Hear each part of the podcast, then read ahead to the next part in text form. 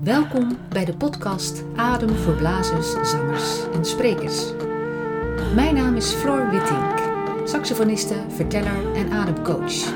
In deze podcast interview ik muzici en andere professionals over de verschillende aspecten van de adem. Van gezondheid en techniek tot muzikaal en spiritueel. Welkom bij deze nieuwe aflevering van de podcast. En te gast is vandaag Babs Verhoeven van Vocalized. Welkom. Dank je. Eigenlijk ben ik de gast, want ik zit hier in jouw uh, zangschool. Dan zeg ik ook welkom. Ja. Welkom Floor. dank je, dank je.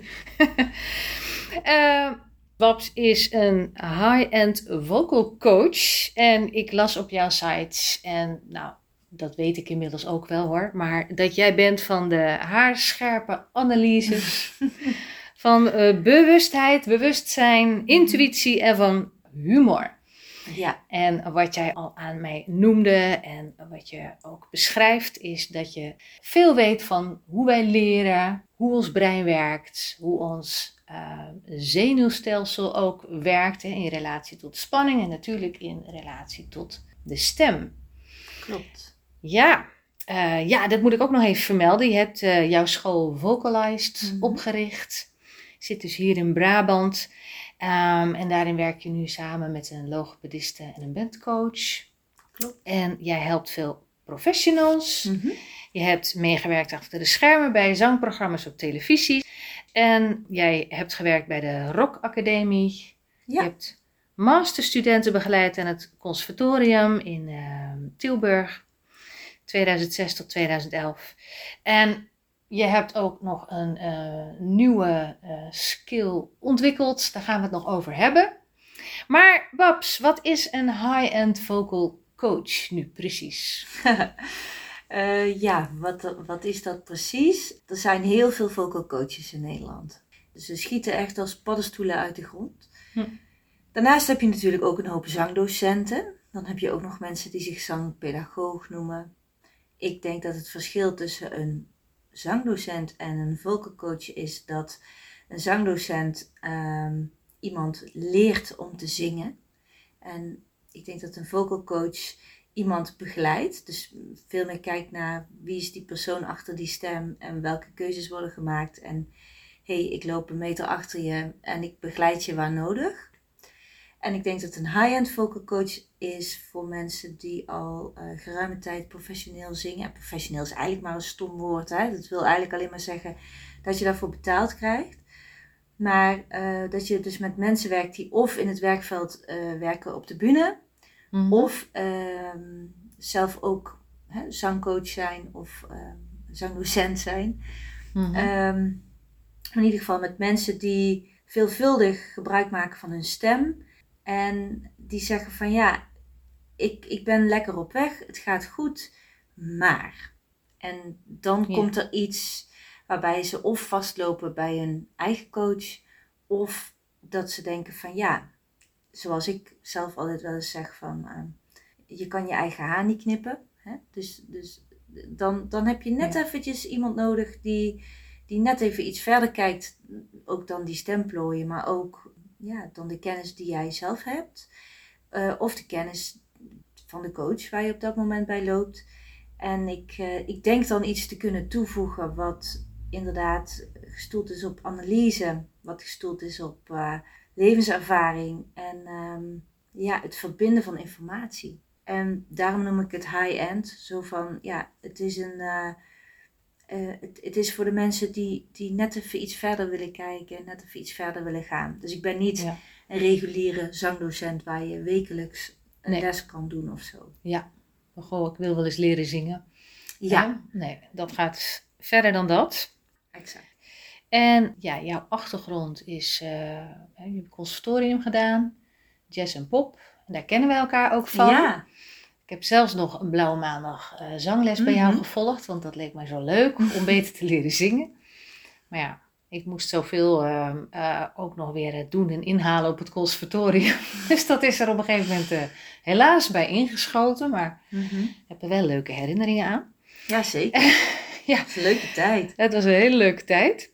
En jij hebt dus ook nog de opleiding als een van de eerste Nederlanders, Mhm. begreep ik. De opleiding eh, Complete Vocal Techniek eh, gevolgd aan het instituut. Ja, klopt. Het was toen eh, nog een eenjarige opleiding. En inmiddels is, het ook een, is er ook een driejarige opleiding Ah, voor authorized teachers en zo. Dus ik heb Ja. in, teachers en zo, ja, ik, ik spreek een beetje zo dan. Nee. Maar ehm, ik heb dus de, de one-year course gedaan. Dus ik heb niet de driejarige opleiding gedaan. Ik ben geen authorized teacher, maar ik was wel inderdaad een van de eerste elf Nederlanders die te maken kreeg met die techniek. En voor mij is dat toen heel belangrijk geweest, omdat ik ehm, ja, zelf ontzettend zoekende was naar mijn stem en, en mijn lichaam. Die twee dingen die leken niet meer met elkaar verbonden. Na je conservatoriumtijd hebben we het dan Ja. over. Ja, precies. Oké. Want daartussenin was, was het een en ander voorgevallen met een eh, auto-ongeluk. En eh, Catherine Sutherland, zij, ehm, ja, zij, zij zette mij letterlijk weer op mijn plek. En zij liet mij moeiteloos zingen. En dat was voor mij toen echt, eh, Ah, ja, echt een verademing, kan ik je zeggen. ah. Ja. Had je dat wel ervaren in de conservatoriumtijd? Dat moeiteloze zingen? Hmm, nou, ik vrees dat ik dat niet echt kan beamen. Nee.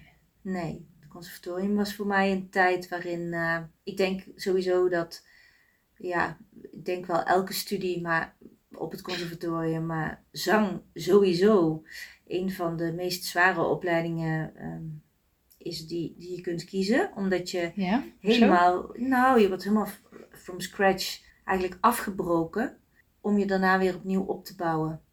Ik Vind je dat in, in het algemeen zo bij zangopleidingen, dat je dat vaker hoort? Of was dat gewoon hier, hier Hmm. het geval, bij Nee. deze docenten? Nee, ik denk dat dat altijd wel het geval is. Ik denk dat dat zeker ook in de klassieke hoek zo eh, kan werken. Wij hadden een fantastische eh, docent, hè, Maria Rondel. Maar ik denk dat eh, ja, veel zangers en ook veel zangdocenten en hoofdvakdocenten aan eh, vakopleiding zang eh, ook ja, grote ego's zijn. En, en zeker wanneer je 17, 18 jaar bent, of in mijn geval zelfs 16, 17 bent, en dan als Brabants Durske, Brabants jong meisje, jonge deerne, Ja. eh, naar eh, Noord-Holland vertrekt om daar eh, je droom na te jagen. Ja, dat, dat maakte wel het een en het ander los. Ja, dat was. ja.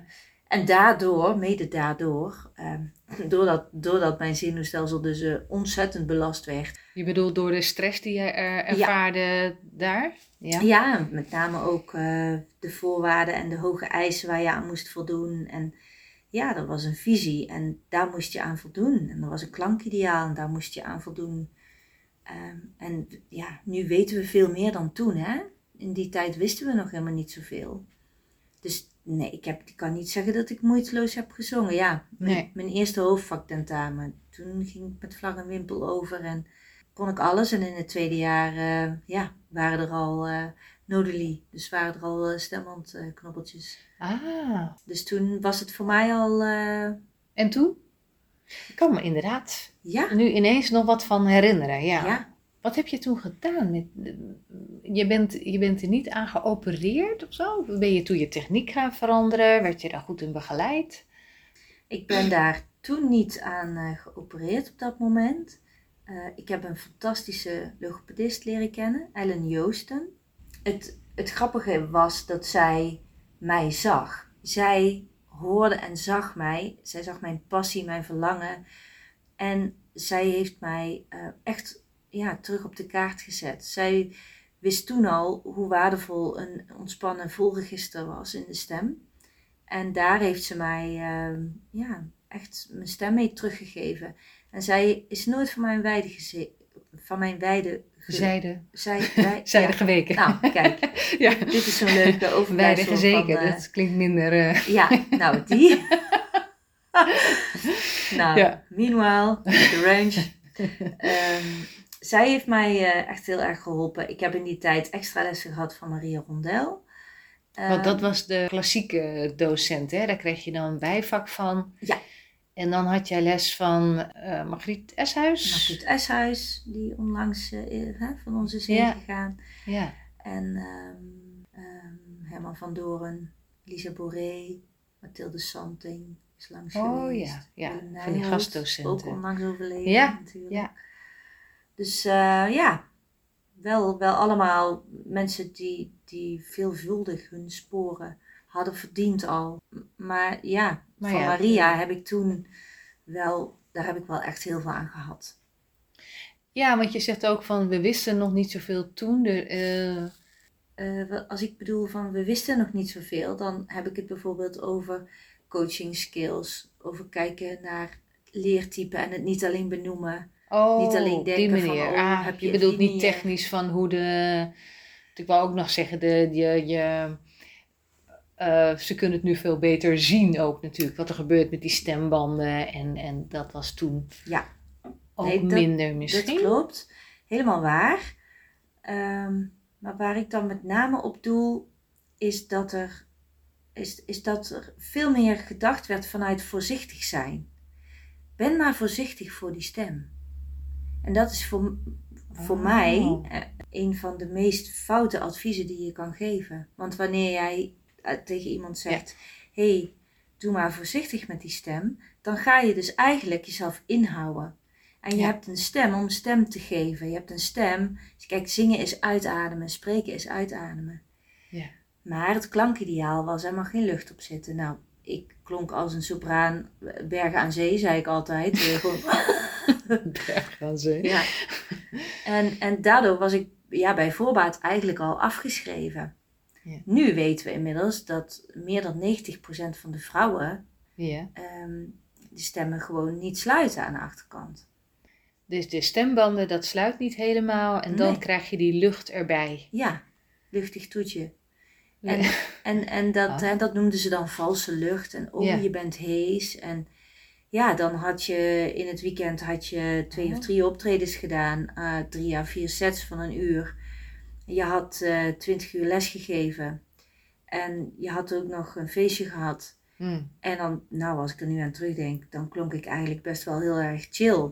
Ja, gezien wat je allemaal al had, uh, had gedaan. Ja, maar dat werd toen echt gezien als nou, je bent weer hees. En dat was een oordeel en dat mocht niet en dat was fout. En uh, dan, dan zong ik een liedje van, uh, ik weet niet dat ik op een gegeven moment uh, Baby I Love You zong van Aretha Franklin in de originele toonsoort. En dat, dat ging dan ja, op een gegeven moment naar, naar een, een D2 in een belt. En nou, dan werd dan echt van, oh, zou je dat wel doen? En, oh ja. Terwijl ik het hele weekend niks anders had gedaan. Ja. Dus van hoger. Dus, dus ja, je, ja, ja. je ging erover nadenken. En dat is denk ik het grootste. Dat, daarom is die eenheid ook zo belangrijk. Ja, zeker. Ja, ik herken dat ook wel. Ik speelde heel kort saxofoon. Toen ging ik naar het conservatorium. En mhm. dan word je ineens bewust van van alles en nog wat. En dan kan er ook spanning op komen. Mhm. Een beetje afhankelijk van wat voor type je bent. Maar type zoals ik die het graag goed wil doen. Hè, dan uh, kan. En het kan ook zijn van je moet daar even doorheen. Hè? Het is ook een fase, maar. Ja, maar niet zes jaar. Je moet er niet nee, zes niet jaar. Nee, niet zes jaar. Nee, zeker. Nee. nee. nee. Dus uh, de logopediste heeft jou uh, eigenlijk hier doorheen gesleept. Hè? En toen ben je van die stembandknobbels afgekomen. Ja, en, en zes weken mijn mond gehouden, hè? Ah. In die tijd zeiden ze van nou hou maar gewoon uh, een maandje mond. En toen heb ik gezegd nou dat is goed, dat, dan doe ik dat zes weken. Dus zeg met, met bordjes en briefjes uh, naar de bakker. En ik ging overal heen, maar ik praatte dus niet. Zo, je hield je eh, er echt, echt aan. Je fluisterde niet eens, jij ging met bordjes ja. behoorlijk dedicated. Ja, en inmiddels weten we dus ook dat dat helemaal niks doet. Um, Toen heeft het mij wel voor mij wel iets gedaan, maar twee weken. Wat je in twee weken kan doen, dat is eigenlijk ja, echt wel conform waar je dan uitkomt. Oh, dus die laatste vier weken. Dat. Ja. Maar in die tijd wisten ze dat dus ook nog niet. Goh. Ja. En hoe, hoe ging het toen voor jou verder? Nou ja, ik had er gewoon heel veel vertrouwen in. Ik had heel veel vertrouwen in de logopedist en in de zanglessen die ik dus toen wel weer had merkte ik gewoon vooruitgang. En ik merkte heel erg dat dus de ontspanning in mijn volregister, in mijn, wat ze vroeger de borststem noemden, het borstregister noemden, Ah. Ehm, dat, dat ik daarin dus door ontspanning te zoeken en ehm, ja, wat lager te spreken, dat ik daardoor gewoon heel veel spierspanning kwijtraakte in mijn keel. En ook hè, de, de KNO-arts, dat, dat hielp ook niet echt, want die zei tegen mij, die keek dus naar die noduli, naar, naar mijn stemplooien, en die zei van nou, jij wordt nooit een zangeres, want je stem slijt niet. Dat noemden ze in die tijd nog hypokinese. En ehm, ga maar eh, iets anders doen. Ga maar aardbeien plukken of zo. Zei die, ga maar aardbeien plukken Ja. of zo? Ja, echt zo'n zo'n opmerking van, nou ja, dat eh, gewoon heel achterloos, heel denigrerend. Jeetje. Ja, maar ik werd er boos van. Gelukkig niet verdrietig, maar boos. En heel standvastig. En toen heb ik gewoon, ik dacht nou, ik ga laten zien dat hij niet bij het rechte eind heeft. Ja, ja. En, Die dat, reactie kan het ook hebben. En dan eh, ja. gaf het in elk geval energie. en uiteindelijk ben ik eh, afgestudeerd in 99. En eh, ja, heb ik in de tussentijd nog een keer no gehad. En uiteindelijk ben ik dus in 2001, na het auto-ongeluk, een jaar na het auto-ongeluk, toen ben ik wel geopereerd. Toen had ik een hematoom aan de onderkant van mijn stemplooi. Dus een is dat? bloeduitstorting. Bloeduitstorting, ja. En toen ben ik wel geopereerd. En gelukkig is dat goed gegaan. Goh, Toen je ik ook heel zo. wat... Ja, ja. Maar dat had dan weer niks te maken met dat auto-ongeluk. Of weet je dat niet? Ja, dat heeft er dus alles mee te Oh, maken. daar heeft alles mee te Ja. maken. Oh, oké. Ja, want Ja. Je had natuurlijk een heel, een heel hoog stresslevel. Mensen zeiden, nou ja, probeer maar weer gewoon de draad op te pakken. En bij mij was dat een beetje een raar verloop, maar Misschien kunnen we ook, want het is nou een paar keer genoemd, Ja. maar dat auto-ongeluk, hè, dat Ja. is, eh, je hebt er ook wel over geschreven op eh, social media. Ehm, ja, dat is gewoon heel bepalend geweest, maar misschien kun je heel in het kort even zeggen wat, Ja. eh, wat er is gebeurd. ja, ik was net afgestudeerd, net getrouwd en ehm, toen heb ik een eenzijdig auto-ongeluk gehad. Ik ben tegen een boom aangereden met ongeveer 90 km per uur. En ehm, ja, toen ben ik echt even heel lang weg geweest. Dus gewoon niet, niet aanspreekbaar. Uiteindelijk thuisgekomen, geprobeerd de draad op te pakken. En de eerste maanden ging dat redelijk goed op wat cognitieve dingen. Dus na. je had eigenlijk, eh, leek het, weinig letsel na zo'n Ja. heftig ongeluk. Ja, het leek, eh, het leek allemaal wel mee te Je had vallen. niet van alles gebroken. Ik had niks gebroken. Maar ik zat in een, een Volvo Amazon uit 1964, een hele mooie auto. Eh, en een hele sterke auto. En die Zo. man van de ANWB zei, want het chassis was scheef. Hij zei, nou dat kan niet. Hij geloofde niet dat het chassis scheef was. Hij zei, dit heb ik nog nooit meegemaakt. Hm. Maar ja, dat was dus. En had ik in een smartje gezeten of hè, in een klein autootje, dan ja, is de kans redelijk groot dat ik hier niet had gezeten. Hm. Dus toen ging het steeds minder goed met mij. En toen ja, kon ik de afstanden niet meer inschatten. Ik eh, schepte mijn eten in mijn haar. Ik gooide de thee in mijn decolleté. Ik kon niet meer op woorden komen. Toen bleek Ja. dat ik eh, een hersenkneuzing had. Dus dat ik eh, ja, eigenlijk gewoon tegen een hersenbloeding aan zat. En dat ik een, een whiplash had met trauma in mijn nek. Mhm. En die twee dingen zorgden ervoor dat, ja, dat het steeds slechter met mij ging. En toen kreeg ik uitval. Dus er waren Mhm. dagen dat ik niet kon lopen. Er waren dagen Mhm. dat ik niet kon praten. Er waren dagen waarin ik niet kon reageren. En zo was het Mhm. elke keer iets anders. En, en ja, en toen ben ik dus opgenomen in een eh, revalidatiekliniek. Mhm. En later nog bij het GGZ. Zo. Hoe lang heb je dat, ben je daar geweest in de kliniek? Eh, een aantal maanden, een maand of ze- zeven, acht. Waarvan in het begin dus... eh, Jeetje, wat lang. Ja. En ja, later nog een half jaar latent, dus met de taxi op en neer. Nou, En in totaal ben ik, ja, heb ik zo'n vier jaar gerevalideerd. zo hé. Ja. Kon je dan in, in- later in die vier jaar ook nog weer wat eh, werken erbij? Wat doen? Of Ja, lag dat helemaal stil? nou, ik, ik sms'te als het doorging, Ah ja. omdat ik anders te veel stress had. Dus mijn Ja. lichaam was extreem gevoelig. Ik had een, ja, een, een stoornis ontwikkeld, conversie. Misschien heb je daar ooit van gehoord. Dus Nee, dat weet ik niet. als ik het heet had, koud had, honger had, dorst had, eh, blij was, boos was, verdrietig was, angstig was, ging ik oud. Dus dat is nogal vaak op een dag dat je dat ervaart. Dus het, het ging heel slecht. En eh, uiteindelijk eh, heb ik toch de draad weer op kunnen pakken. En ehm, ja, ben ik beter geworden. En Ja, Dat had eigenlijk niemand verwacht.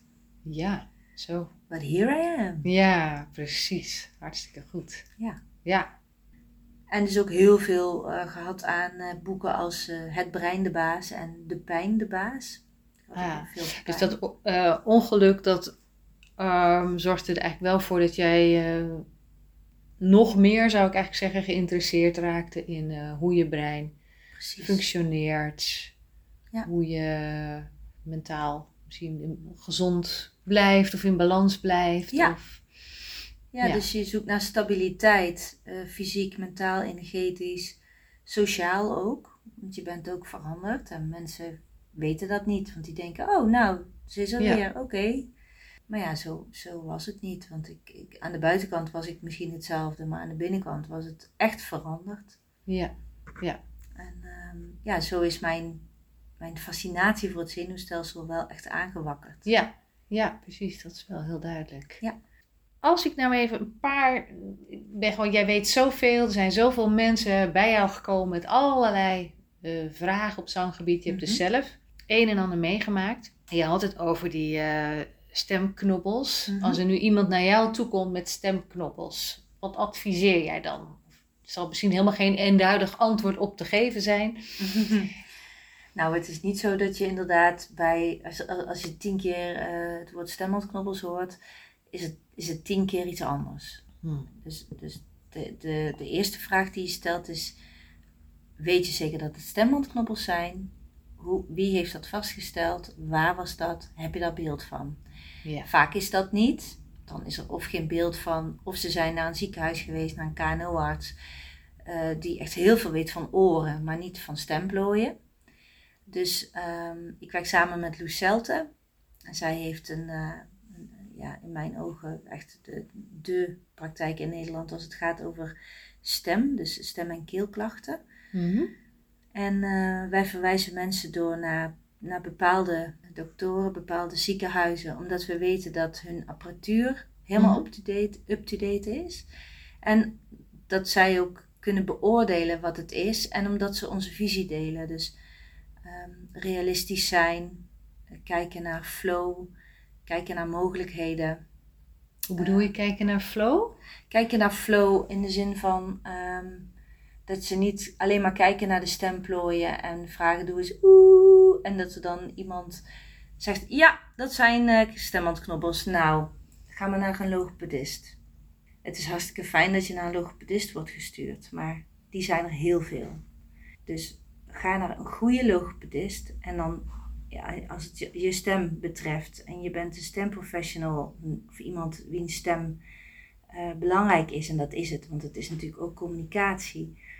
Ga dan naar een logopedist die gespecialiseerd is in stem. Ga naar een logopedist die ook bekwaam is in manuele facilitatie van de larynx, ofwel het losmaken van het strottenhoofd en de aanhechtingsspieren daarvan, zodat het systeem weer kan ontspannen. Met je handen bedoel ik Juist. dan ook echt. Ja, Ja. oké. En ehm nou, Loes is daar zelf ook docent in. Ik zeg altijd de magic hands. Ja, het is zo fantastisch wat je met heel kort eh, palperen, dus even losmaken, ehm, kunt, ja, kunt bewerkstelligen. ja. Zeker Maar, wat bedoel je dan met, met eh, flow? Flow, dan bedoel ik dat ze kijken naar hoe iemand stem geeft. Als jij alleen maar heel kort een kreet moet laten horen bij de KNO-arts, Mhm. eh, die eigenlijk nog niet eens heeft geluisterd naar hoe spreekt iemand bijvoorbeeld. Hè? Wat je bijvoorbeeld ziet bij zangers is dat ze als ze zingen fantastisch klinken. En dan hoor je ze spreken en dan denk je, oeh, Ja, dat is niet helemaal gezond. En om dan niet het schoonheidsideaal of het klankideaal van alles moet helder zijn, om dat maar klakkeloos na te streven, Mhm. maar om te kijken naar waar komt iemand vandaan, letterlijk. Hè? Dus uit in welk gebied woont iemand in Nederland. Want dat is ook voor een deel verantwoordelijk voor hoe je spreekt. Hoeveel spreekt iemand in de week? Hoeveel zingt iemand in de week? Ja. Zingt iemand in, een, in het juiste register? Dus je bedoelt met flow eigenlijk alles wat met iemand Ja. te maken heeft. Kijk niet alleen Totaal naar die stem. Precies. Kijk niet alleen naar die stemplooien, maar kijk naar hè, connect eh, the dots. Dus kijk naar waar heeft iemand die stem voor nodig en wat laat die stem ons zien. En er zijn KNO-artsen die dat doen. Die Ja. wel echt dat totaalplaatje en die tijd, tijd ook nemen dan. Absoluut. Ja? En dat zijn dus dokters waar wij, eh, waar wij heel graag mee werken. Eh, en die ons ook vertrouwen in die visie van Ja. ga eens onderzoeken, ga eens spelen met die stem. Die stem moet Ja. klinken, die stem moet ontspannen klinken. Liever eh, een, beetje, eh, een beetje lucht, maar wel ontspannen, dan heel helder en gespannen. En dat je Ja. dan maar wat hoger gaat spreken. En de- dat jij dan ook denkt van jeetje babs, oh, het is toch super naar als ik zo ga spreken. Hè? Nu, nu ben ik wat helderder, dan ga ik iets hoger spreken, ga ik iets netter articuleren. Hartstikke mooi. Het heeft niks met mij te maken. Ja, En ik word er doodmoe van. En Ja. jij ook. Dus je wisselt razendsnel allemaal informatie uit. ja. Dus dat dan ook echt in samenspraak met zo'n KNO-arts. Zeker. Dat, eh, dat jij eh, dan eh, bijvoorbeeld met iemand aan de gang gaat. Ja. Met hoe ze hun stem dan anders kunnen gaan gebruiken. Ja, en, en inderdaad, soms anders gaan gebruiken. Maar je kunt ook kijken naar hoe is het zover kunnen komen. Want Hm. vaak is het stembelasting, maar het kan ook bijvoorbeeld een trauma zijn. Ja. Ja. Hè? Sommige mensen worden afoon op het moment dat ze heel slecht nieuws krijgen. Als iemand ziek is of als iemand is overleden. Bam, stem weg. Hoe kan Ja. dat dan? Ja. Nou, dat heeft niks met die stemplooien te maken. Nee, precies. Nee. Sommige mensen hebben eh, een hooikoortsallergie. Sommige mensen hebben eh, of eh, hooikoorts of een andere allergie. Sommige mensen hebben slikken medicatie. Ja. Waardoor de stem heel erg anders gaat klinken. Komt allemaal voor. Ja, ja.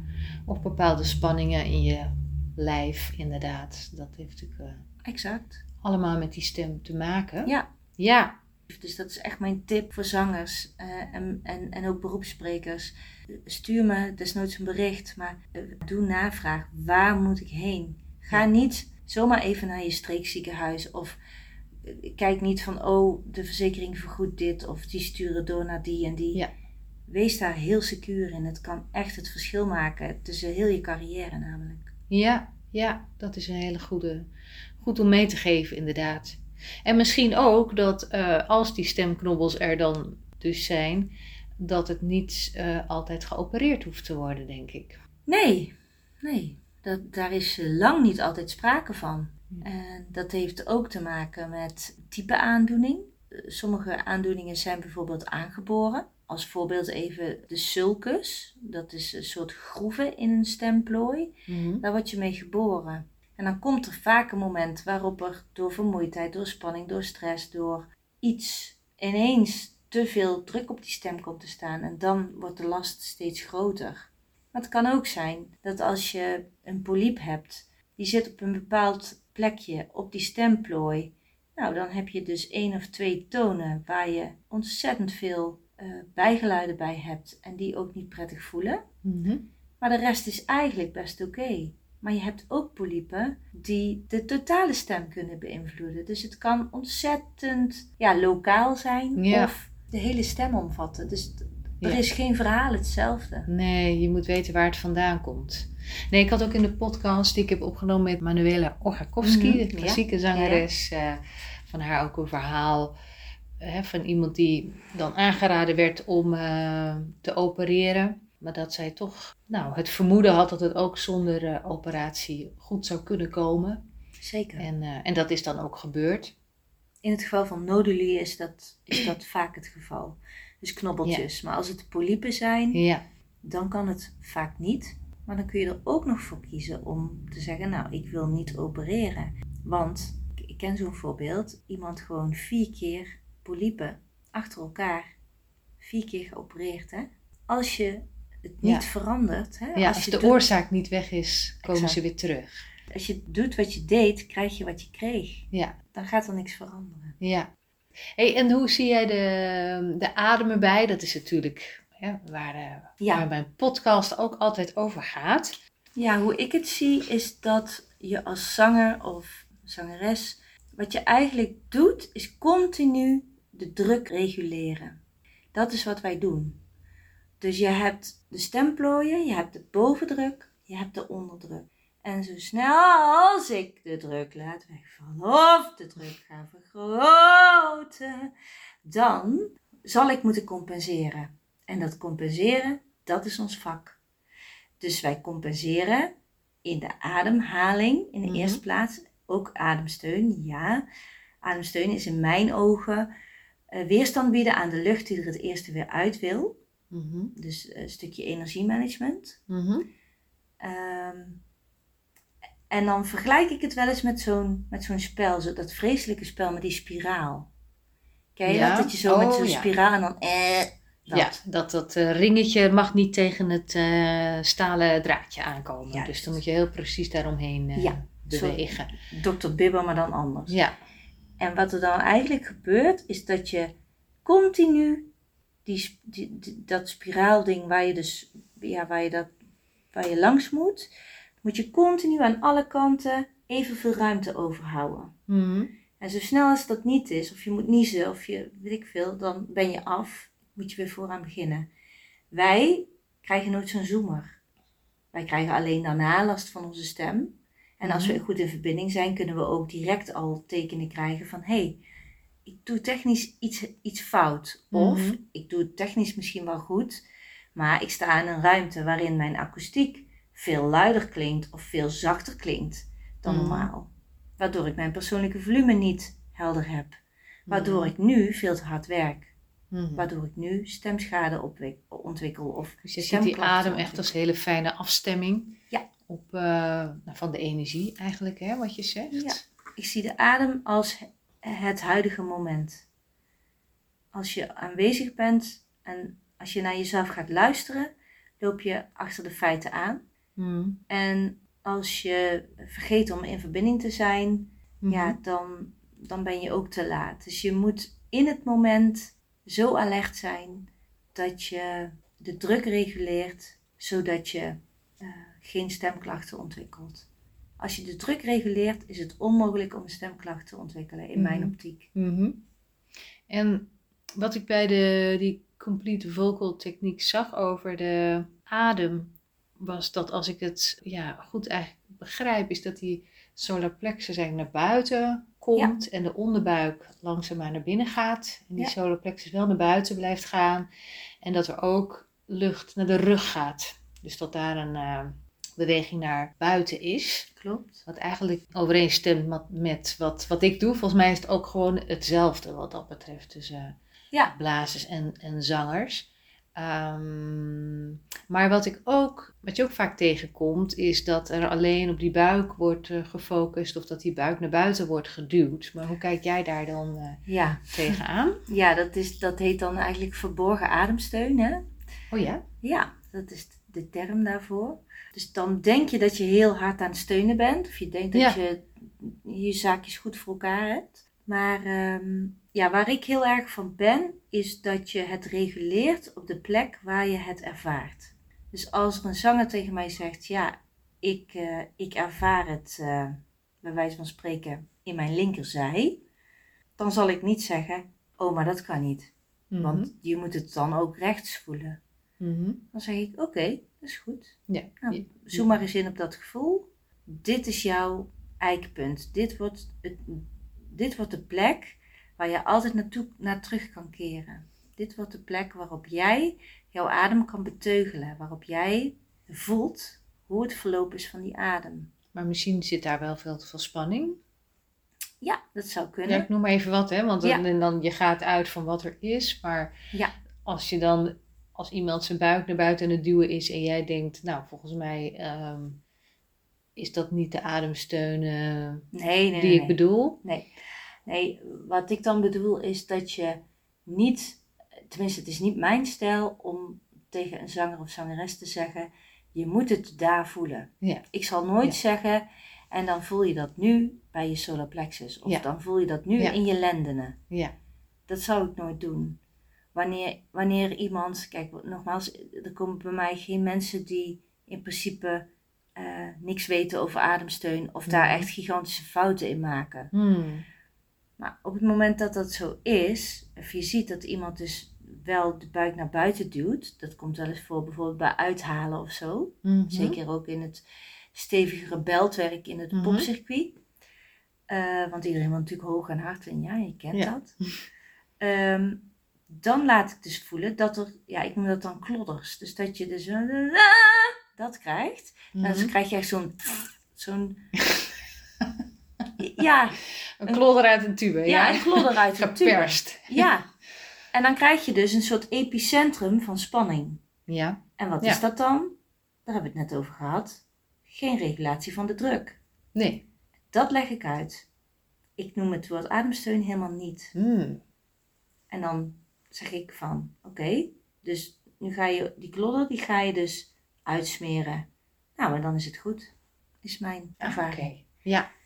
En heb je dan ook nog dat het anders is als mensen een beetje naar beneden duwen of dat ze van onderaf die steun voelen? Of Wat werk jij niet met zo eh, met eh, een dergelijk verschil? Nou, ik, ik denk het wel, maar kun, je het, kun je het iets beter nog eh, uitleggen? Dat zie ik bij de blazers. Dus als je naar beneden duwt, dan gaat eigenlijk je borstbeen ook een beetje naar beneden. En dan is er wat druk op de liezen of op de baarmoeder. En dan, dan heb je dus ook dus die buik die een beetje, en die rug die een beetje hol is. Ja, En ik zie bij zangers, ehm, zie ik dat ze heel rechtop staan. En het lijkt dan meer alsof, alsof er gewoon van onderaf een steun is. En dat die borstkas eigenlijk vrij is. En dat die keel en dat hoofd dus ook, eh, ja, ehm, dat daar meer ruimte is, zeg maar.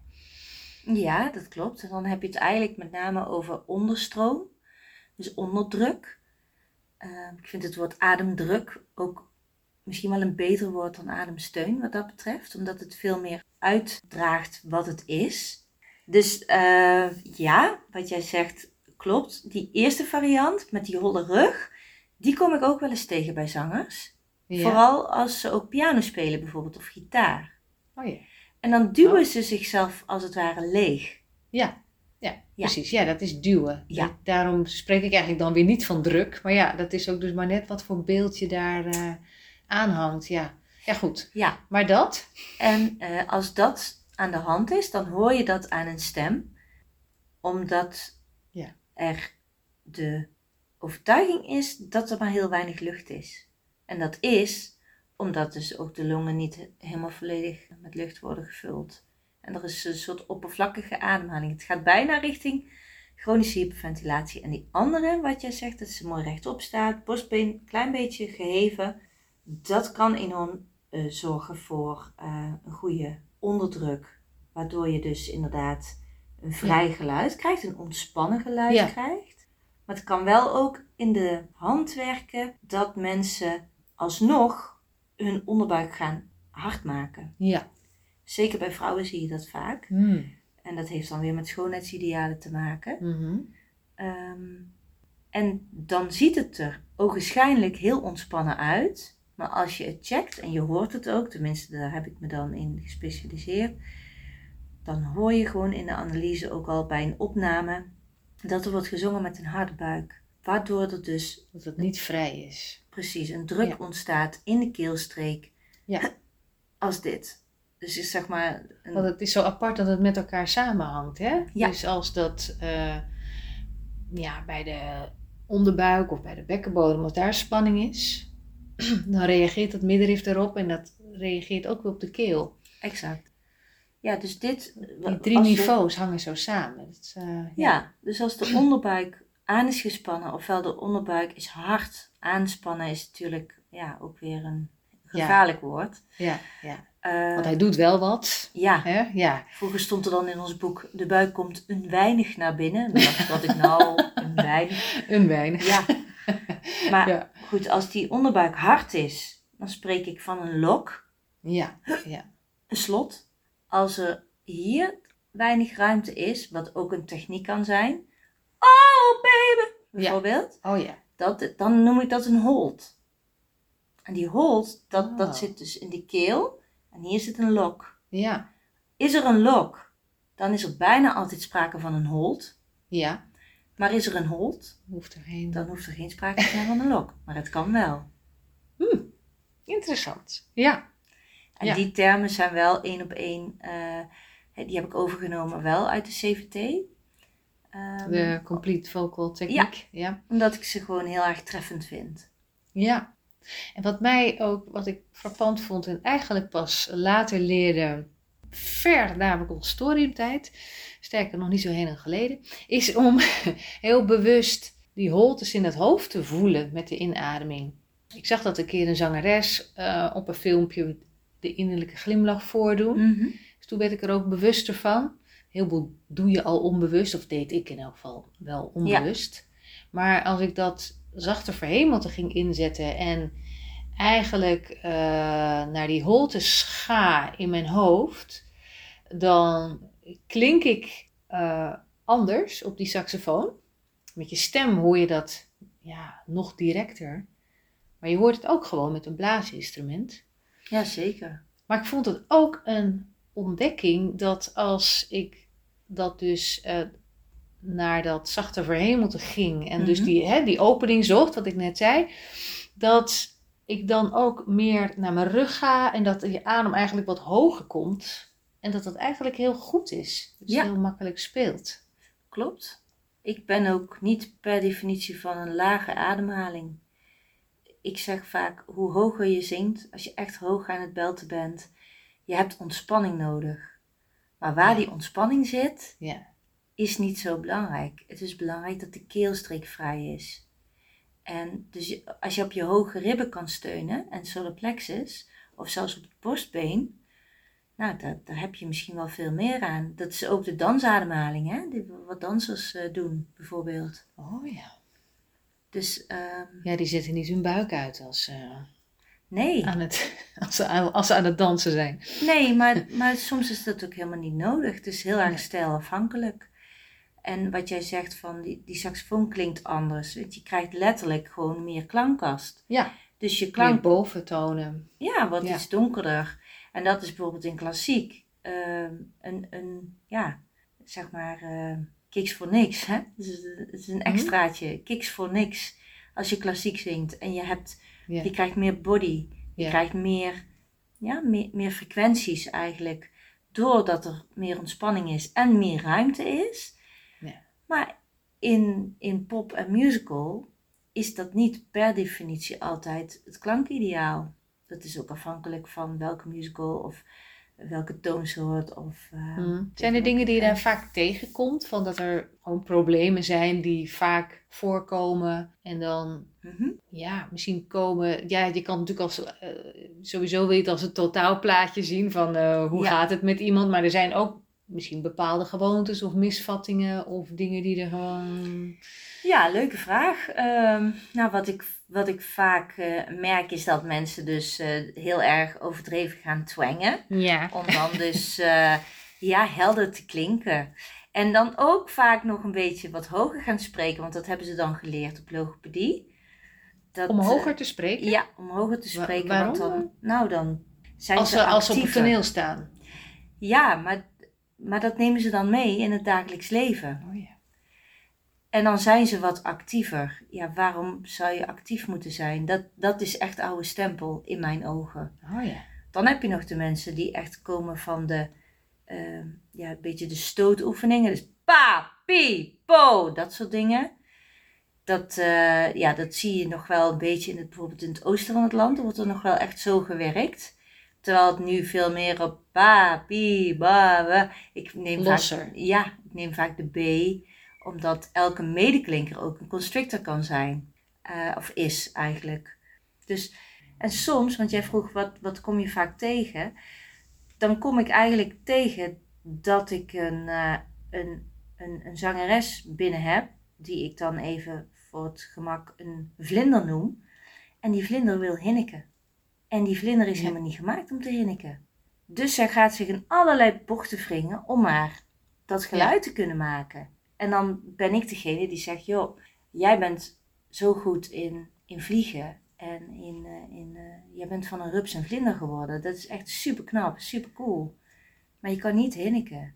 Dus Ja. als je dat nou eens accepteert en door de ogen van liefde naar die eigen stem gaat kijken en luisteren, dan hoor jij de wondertoon, de ondertoon, de onderstroom. Ja, eh, en kun jij pas echt horen hoe jij echt klinkt. ja. Wat je zelf eigenlijk gemist hebt in je conservatoriumtijd. Ja. Ja. Niet bij elke docent hoor, Nee, maar ja. wel bij veel. Ja. En heb jij nog eh, muzikale voorbeelden? Van je zegt van, oh, dat klinkt zo vrij, dat is zo persoonlijk, zo eigen. Ja, jeetje. Voorbeelden, ja, het zijn er misschien heel veel. Ehm, nou, wat ik, wat ik fantastisch vind, eh, omdat het zo natuurlijk en eigen is, is eh Aretha Franklin en Stevie Wonder. Ja, Dat is eh, ja, zo authentiek. Wat ik ook heel authentiek vind, maar ook beschouwen als een absoluut natuurtalent, eh, is Eva Cassidy.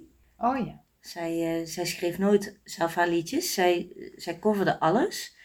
Maar dan wel op een manier ja, die zo origineel is. En zo getuigt van het fijne mechanisme. Dat zei Willem altijd, Willem Nijholt. Het fijne mechanisme. Babs, het fijne mechanisme. Ehm, Wanneer had jij lessen van hem? op het conservatorium. En, eh, en later heb ik eh, privécoaching van hem eh, ook gehad. Oh ja. voor performance en ehm, staging en ja, echt interpretatie, tekstinterpretatie. Oh, Oké. Ja, en ook Oh. vanuit spreken naar zingen. En, Ja, ja. ja, dat deed hij eigenlijk niet, maar dat deed hij toen. Oké. Ja, daar was ik heel blij om. Ja. Maar dat, dat, dat hele uitdunnen wat zij kan, maar ook dat enorme, grootse geluid waarin ze de overgave heeft eh, eh, van, van een zwarte gospelzangeres. Maar ze is zo wit als ik weet niet wat. En dat vind ik ook heel mooi. En dat is ook Ja. interessant trouwens voor jou om een keer misschien op in te gaan in jouw podcast. Hm. De etnische verschillen in Mm. stemapparaat. Mhm. Wat dat dan ook weer doet met adem. Want Mhm. iemand die in Afrika eh, opgroeit, ademt anders, klinkt anders, Ja, geeft ja. anders stem Ja, dan iemand die in, eh, in Rusland eh, in de kou opgroeit. ja, ja, zeker ja. En, en iemand die Indonesisch bloed heeft bijvoorbeeld, ehm, heeft vaak veel minder overgangen tussen de registers. Van het volregister naar het middenregister naar het randregister. Dat is vaak één. Het klinkt heel makkelijk vaak. En daar Oh, zijn eh, eh, witte mensen vaak weer jaloers op. Ja, ja. En waar de ehm, zwarte mensen van nature meer een twangstand hebben, omdat het strothoofd groter is, wat meer naar voren gekanteld Mhm. staat. Een grotere mouth cavity hebben, dus bredere kaken, grotere tanden, grotere neusholtes. Nou ja, heel de botstructuur is anders. En Ja. dat klinkt dus ook weer anders. En Ja. wij kunnen niet klinken, of wij, witte mensen, kunnen niet klinken als een, als, als, als een zwart persoon. Nee, nee. Dus dat is, Ja. dat is ook heel interessant. Er zitten gewoon verschillen in. Ja, moeiteloos, natuurlijk, authentiek, reëel zijn, realistisch kijken naar die stem. En de, de presentatie van mijn collega van Loes, ehm, die heet De Stem Vertelt. En dat vind ik een prachtige titel. Luister Hmm. naar die stem, eer die stem, alsof het je allerbeste vriend is. Hmm. Ben niet boos op die stem als hij het niet doet, Hmm. Ja. na de carnaval. Of na heel veel optredens. Maar Ja. neem verantwoordelijkheid voor die stem. En ga naar iemand toe waar je je veilig voelt. Waar je je helemaal kan overgeven. In plaats van dat je altijd dus dat handremmetje erop houdt. En dat Ja. voorzichtige van wat eh, de KNO-arts toen tegen mij eh, had gezegd. ja, precies. Ja. Bijvoorbeeld. En dat is mooi aan jouw vak, dat je dan mensen vrijer kunt laten zingen. En Precies. eh, ze ziet groeien eigenlijk. Ja, want je, je stem is een onderdeel van jouw lichaam. En als jouw lichaam iets spannend vindt, hè, dan heeft dat invloed op jouw zenuwstelsel. En als het zenuwstelsel zegt, ik vind dit heel erg spannend, dan ga je het nooit winnen van je lijf. En als je als zanger of zangeres iets krijgt aan je stem, het lijf is geniaal wat dat betreft. Je, je, krijgt, je krijgt geen knieblessure. Ze pakken je op de plek waar ze willen zeggen, en nu moet je stoppen. Ja. En dat is dus inderdaad wat ik nu ook met Nij aan het doen ben.